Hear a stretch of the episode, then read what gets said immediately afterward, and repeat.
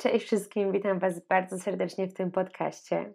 Z tej strony Aga i przychodzę dzisiaj do Was z kolejną bardzo inspirującą historią. Tym razem nie jestem sama. Jest ze mną mój gość Natalia Czajkowska, 21-letnia studentka, która żyje już potocznie mówiąc na własną rękę. Mieszka poza domem rodzinnym, pracuje oraz uczy się. I można powiedzieć, że jest już całkowicie niezależna. Trzy lata temu sytuacja wyglądała jednak zupełnie inaczej. Policja zdecydowała się wstrzymać swoją decyzję o przyszłości i wzięła gapier. Jak pokierowała swoim życiem, aby dotrzeć do miejsca, w którym znajduje się dziś? Porozmawiamy o tym już za chwilę. Cześć, słuchacie Twojej podróży do przyszłości. Ten podcast tworzymy dla wszystkich młodych dorosłych, którzy poszukują własnej ścieżki życiowej. Jestem Aga, mam 22 lata i mierzę się dokładnie z tym samym. Będę Twoim przewodnikiem oraz kompanem podróży w jednym. Wspólnie ugościmy tu przedstawicieli wielu dziedzin. Odwiedzą nas zarówno wykwalifikowani specjaliści, jak i osoby będące na etapie poszukiwań. Znajdziesz tu dawkę inspiracji, motywacji oraz wsparcia. Wejdźmy razem w dorosłość pewnym krokiem. To nie takie straszne. Podobno. Cześć Natalia, cieszę się bardzo, że jesteś dzisiaj z nami. Cześć, witam wszystkich. Zanim przejdę do wszystkich pytań, które mam do Ciebie, jest ich trochę, chciałabym wspomnieć o badaniu, które znalazłam chwilę przed rozpoczęciem spotkania z Tobą. Jest to badanie przeprowadzone przez Centrum Badań Opinii Społecznej i dotyczy ono tematu studiów w Polsce. Tego, dlaczego młodzi ludzie decydują się podjąć studia, co nimi kieruje i jak postrzegają w ogóle wykształcenie wyższe. Nie będę mówić o całym tym badaniu, bo było ono obszerne, jednak chciałabym przytoczyć jedno z pytań, które się pojawiło, bo odpowiedź jest dość mocno zastanawiająca. Pytanie brzmiało: Jak pan, pani sądzi, czym kierują się młodzi ludzie rozpoczynając naukę na wyższej uczelni? Dlaczego idą na studia? Procenty nie sumują się do 100, ponieważ każdy z osób, które były pytane, miał prawo do wielokrotnego wyboru. Odpowiedź, która figuruje najwyżej, czyli była wybierana przez największą ilość osób, była uległość i konformizm. I w tym zawiera się moda, czyli na przykład koleżanki i koledzy studiują, taki jest trend, bo wszyscy idą, lub aspiracje rodziców, czyli nie chcę rozczarować rodziców, wpływ rodziców, bo rodzice mi każą.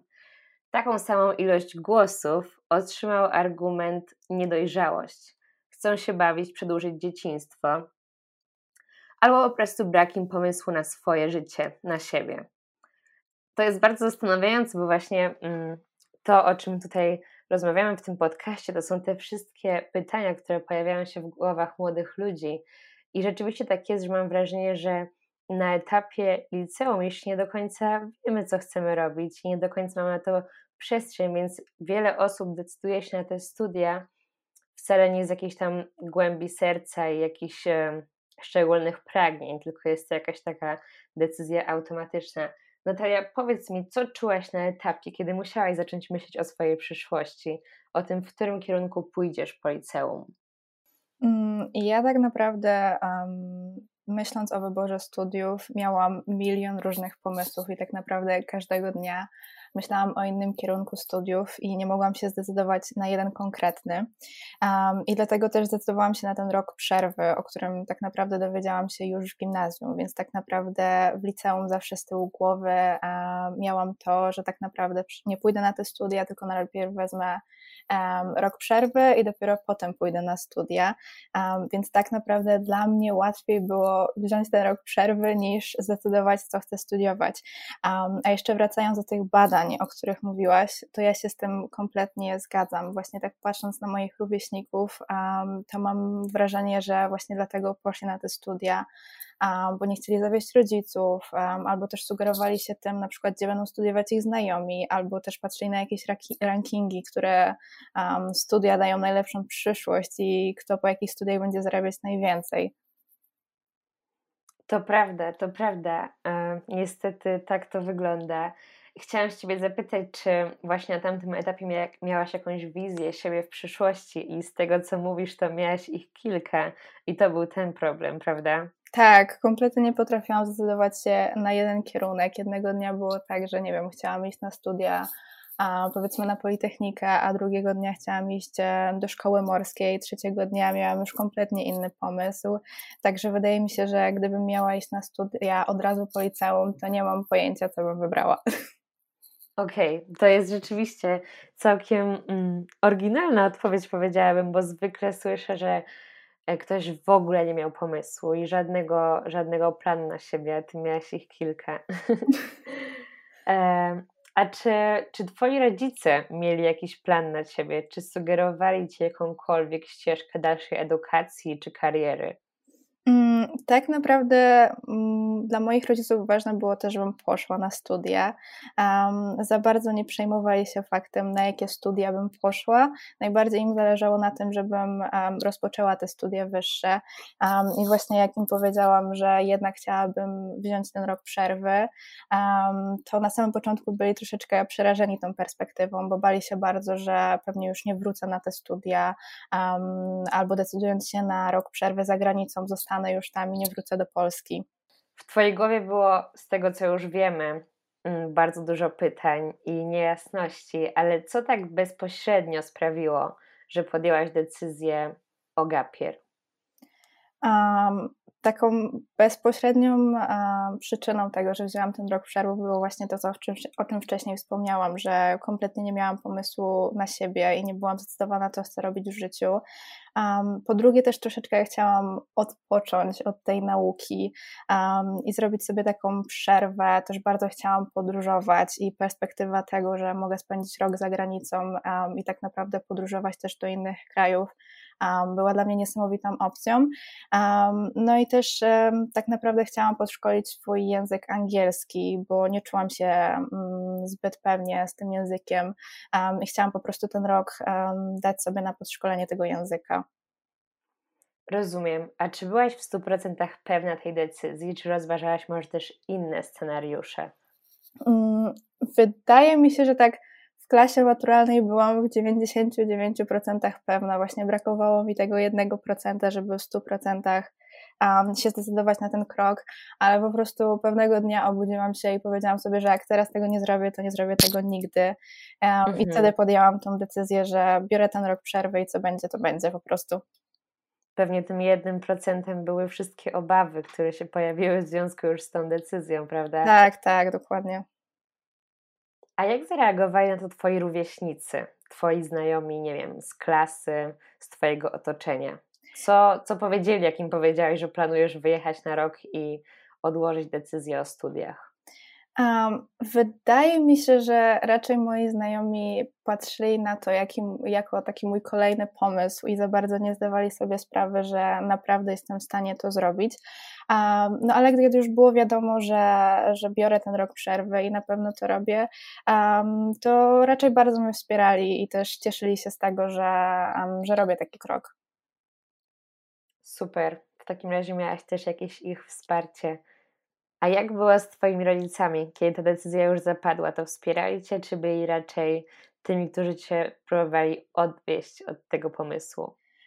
Na samym początku byli sceptycznie nastawieni do tego pomysłu, ale kiedy właśnie już było wiadomo, że na pewno decyduje się na ten krok, to bardzo mnie wspierali i też e, pomagali w załatwianiu wszystkich formalności, także mm, miałam ich pełne wsparcie. Tak samo też miałam wsparcie innych członków rodziny. To na pewno bardzo ułatwiło ten krok, ponieważ jak robisz coś tak zupełnie przeciwko swojej rodzinie, to, to może to być spore wyzwanie. Tak, to prawda. I jak spędziłaś ten swój gapier? Co robiłaś? Um, ja decydując się na rok przerwy stwierdziłam, że chcę skorzystać z programu Au Pair. Um, może teraz powiem na czym polega ten program. Um, wyjeżdża się na rok za granicę albo na krócej, w zależności od tego, do którego kraju chcemy wyjechać. Ja zdecydowałam się na Stany Zjednoczone, więc na rok wyjechałam do tego kraju, dokładnie do Virginii, niedaleko Waszyngtonu. I opiekowałam się tam dziećmi, mieszkałam u host rodziny, otrzymywałam kieszonkowe za swoją pracę, też pobierałam kursy na uniwersytecie i skupiałam się na podróżach. Super, brzmi ekstra. Tak, to był naprawdę świetny program i wydaje mi się, że on jest idealny dla takich osób, które do końca nie wiedzą, jak chcą wykorzystać ten swój rok przerwy, bo tak naprawdę zgłaszając się do agencji czy też do jakichś innych organizacji, które organizują tego typu wyjazdy, mamy tak naprawdę od nich pełne wsparcie i też tak jakby wiemy z góry, jak ten rok będzie wyglądał i czego możemy od niego oczekiwać. Tak, to prawda. Ci, którzy byli z nami przy pierwszym odcinku, to już wiedzą, że wybrałam ten sam program na swój gapier, więc y, zgadzam się w 100% z tym, co mówi Natalia. E, czy ten czas y, na gapier, na programie opery w jakiś sposób Cię ukształtował? Tak, na pewno. Wydaje mi się, że właśnie to, że wyjechałam po liceum na ten program było naprawdę super decyzją i jestem tak wdzięczna sama sobie, że się zdecydowałam na ten krok, um, dlatego że tak naprawdę mam wrażenie, że ten program ukształtował mnie jako takiego dorosłego człowieka i też był pięknym wstępem w taką dorosłość. Mhm. Na tym programie nauczyłam się um, bardzo bycia samodzielną, też stałam się bardziej pewna siebie.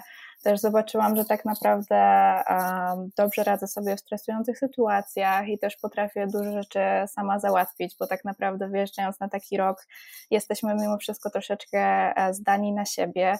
Um, też mogłam zobaczyć podczas tego roku tak naprawdę na czym mi w życiu zależy, bo tak naprawdę przez ten rok byłam z dala od moich przyjaciół, od znajomych um, i tego całego życia w Polsce, więc dzięki temu udało mi się ustalić takie priorytety e, w moim życiu. No i mhm. też e, mogłam się zastanowić nad tym, um, co tak naprawdę chcę w życiu robić.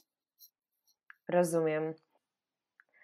A czy jesteś w stanie wrócić myślami do tych wydarzeń podczas programu OPER, które w jakiś sposób pozwoliły ci dojrzeć w jakimś stopniu? Mm, najbardziej pozwoliło mi dojrzeć to, że opiekowałam się dziećmi przez cały rok, bo tak naprawdę wyjeżdżając miałam 19 lat i nie miałam za dużo doświadczenia z dziećmi. Miałam młodszego brata, no ale mimo wszystko to nie była taka opieka nad dziećmi na pełen etat, także to na pewno było dla mnie wyzwaniem i też pozwoliło mi nabrać cierpliwości, um, właśnie tej pewności siebie, asertywności też na pewno, no i takiej odpowiedzialności po prostu. Drugim aspektem jest to, że na tym programie byłam tak naprawdę zdana sama na siebie. Musiałam na samym początku sama założyć konto bankowe, też załatwić inne formalności, jeżeli chodzi o życie za granicą. Także to też na pewno było dla mnie w jakiś sposób wyzwaniem. No i też na programie bardzo dużo sama podróżowałam, więc to, że byłam zdana sama na siebie w różnych miejscach, też pozwoliło mi właśnie nabrać takiej dojrzałości um, i właśnie tej odpowiedzialności. Właśnie e, fajnie, że o tym wspomniałaś, dlatego że takie rzeczy jak właśnie wizyty w banku, czy takie rzeczy związane z jakimiś sprawami może trochę urzędowymi i takimi organizacyjnymi, często są dla młodych ludzi stresujące, będąc w Polsce, porozumiewając się w swoim ojczystym języku, a nie zapominajmy, że wyjeżdżając do Stanów, porozumiewamy się po angielsku i musimy to wszystko załatwić w języku, który nie jest dla nas jeszcze aż taki komfortowy, prawda? Tak, to prawda, bo ja na przykład w Polsce nigdy nie załatwiałam e, tego typu rzeczy, rzeczy, a to nagle w Stanach musiałam się rzucić na głęboką wodę i to wszystko przysłowiowo ogarnąć. Także to jest świetna szkoła życia. Tak, to prawda. A czy potrafisz w jakiś sposób zrobić takie porównanie siebie sprzed wyjazdu i po? O kurczę, to jest bardzo trudne pytanie. um, wydaje mi się, że tych różnic pomiędzy mną na koniec liceum, a mną po wyjeździe jest naprawdę pełno, ale wydaje mi się, że taka główna zmiana, którą w sobie zaobserwowałam, jest to, że kiedy byłam w liceum, to czułam taką dużą presję, że muszę wiedzieć, co chcę w życiu robić już teraz, w tym momencie, mieć tak naprawdę cały plan ułożony na kolejne 10 lat, e, gdzie idę na studia, co robię po studiach, gdzie będę pracować. Um, a tak naprawdę ten rok przerwy pozwolił mi nabrać do tego wszystkiego takiego dystansu, że jest po prostu okej okay nie wiedzieć, co chce się robić w życiu i to, że teraz pójdę na te studia, um, to nie znaczy, że muszę wiedzieć powiedzmy, co chcę robić po tych studiach i gdzie chcę pracować, tylko po prostu mm -hmm. to wszystko przyjdzie z czasem. Um, I też to, że tak naprawdę najważniejsze jest to, żeby próbować. Tak, dokładnie, zgadzam się z tym. Właśnie mam wrażenie, że trochę jesteśmy pod taką presją, że jak już powiedzieliśmy A, to musimy powiedzieć B. A właśnie wydaje mi się, że e, sztuka polega na tym, żeby dać sobie tą mm, zgodę na to, że można spróbować czegoś i powiedzieć tylko A i przekonać się, że to nam nie leży i chcemy jednak zmienić kierunek, w którym podążamy, prawda? Tak, tak, dokładnie. Okej, okay, czyli odpowiedź nie jest taka jednoznaczna i może teraz w takim razie zadam Ci pytanie, czy, czy uzyskałaś w jakiś sposób odpowiedzi na te pytania, które miałaś przed wyjazdem? W pewien sposób uzyskałam, ale nie do końca, bo też decydując się na ten rok przerwy, myślałam, że podczas tego roku już w 100% ułożę sobie taki plan, co chcę studiować i co dokładnie chcę robić. A tak naprawdę, kiedy przyszedł e, czerwiec kolejnego roku i musiałam zdecydować się na to, jakie studia chcę wybrać, to miałam znowu wielki problem co chcę robić, to studiować. Był on już troszeczkę mniejszy niż rok temu, ale mimo wszystko bardzo wahałam się nad tym, jaki kierunek wybrać. Też zdecydowałam się wtedy na studia na Politechnice. Wybrałam transport. Ale mimo wszystko teraz nie jestem e, na tym kierunku studiów. Po rozpoczęciu studiów tak naprawdę wytrwałam na tym kierunku pół roku i zdecydowałam, że to nie jest to i rozpoczęłam inne studia.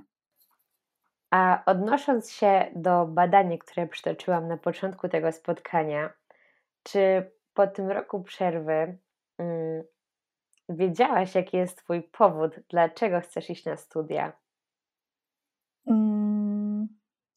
Wydaje mi się, że i po liceum, i po tym roku przerwy miałam taki sam powód, żeby iść na studia, bo miałam taką ogromną potrzebę wewnętrzną, żeby zdobyć wykształcenie wyższe i też cały czas się uczyć i zdobywać tę nową wiedzę.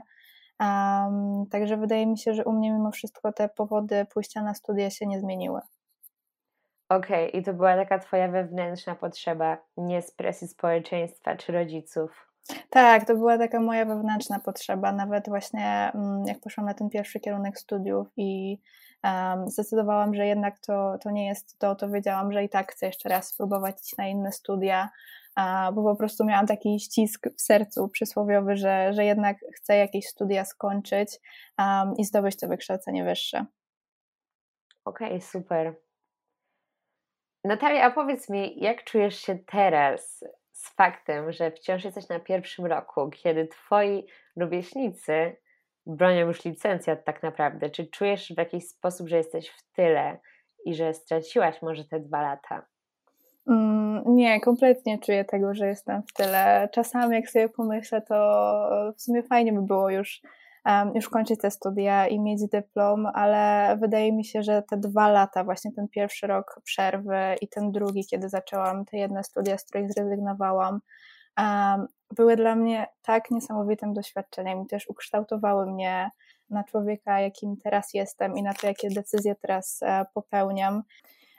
I też wybierając e, po tym roku przerwy te swoje pierwsze studia, to też mimo wszystko dla mnie było super doświadczenie, bo dzięki temu przekonałam się, jak chcę, żeby moje studia wyglądały i też tego, czego tak naprawdę od nich oczekuję, bo tak naprawdę wybierając te studia na samym początku, to nie miałam kompletnie pojęcia, jak te studia będą wyglądać i mimo wszystko te wszystkie sylabusy albo plany studiów, które są zamieszczone na stronach uczelni, w praktyce wyglądają inaczej, więc też się cieszę, że, że miałam okazję zobaczyć, jak to wszystko wygląda i potem wybierając drugi kierunek studiów, mając to doświadczenie z tego pierwszego roku studiowania wybrać bardziej odpowiedni kierunek dla mnie. No właśnie, bo czasami właśnie myśli się, że czegoś się chce, później się jednak okazuje, że to nie do końca jest dla mnie i to też jest ok, w jakiś sposób wykluczać te rzeczy i zmniejszać tą pulę możliwości, e, ku którym się skłaniamy, prawda? Tak, tak. A czy zechciałabyś się podzielić tym, co teraz robisz, czym się zajmujesz? Pewnie. E, ja teraz jestem na pierwszym roku w szkole głównej handlowej i studiuję finanse i rachunkowość. I wydaje mi się, że to jest e, ten kierunek, w którym chciałabym pójść. Um, jeszcze do końca nie jestem pewna, co bym chciała robić po tych studiach, ale czuję, że idę w dobrą stronę. Um, jak patrzę z perspektywy tego, um, co studiowałam wcześniej, a tego, co studiuję teraz, to widzę ogromną różnicę i też widzę to, że tak naprawdę teraz, w tym momencie, studia mi sprawiają ogromną satysfakcję. I też teraz w tym momencie zdecydowałam się na studia zaoczne, bo wcześniej studiowałam dziennie um, i nigdzie nie pracowałam, um, a teraz te studia łączę z pracą i wydaje mi się, że dla mnie to jest taka idealna kombinacja, um, bo tak mhm. naprawdę podczas tego roku przerwy zobaczyłam, jak wygląda samodzielne życie. I wydaje mi się, że w tych studiach dziennych najgorsze było dla mnie to, że nie miałam czasu na pracę. I tak troszeczkę czułam się zbyt zależna od rodziców i też, że mogłabym tak naprawdę robić więcej, a tego nie robię. Um, mhm. Dlatego też decydując się na inny kierunek studiów, stwierdziłam, że, że te studia zaoczne łączone z pracą będą dla mnie takim, uh, takim idealnym rozwiązaniem i rzeczywiście tak jest. I jesteś już teraz całkowicie niezależna od rodziców? Tak.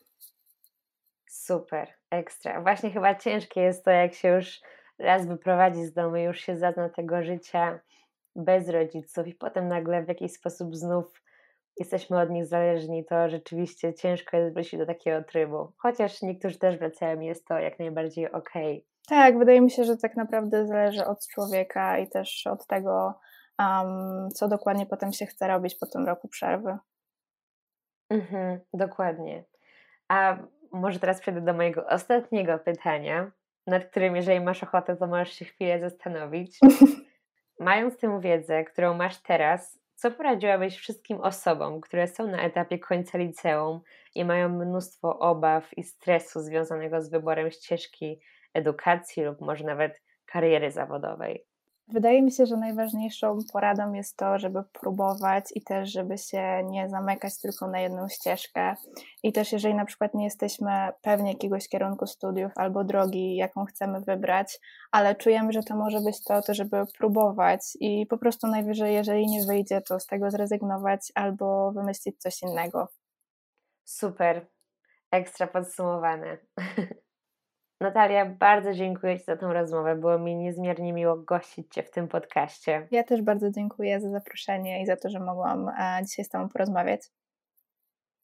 Myślę, że e, nasi słuchacze znaleźli w Twojej historii dużo inspiracji i wsparcia, za co Ci bardzo dziękujemy. I Wam również dziękuję, że byliście dzisiaj z nami i wysłuchaliście mm, naszej rozmowy. Do usłyszenia w kolejnym odcinku.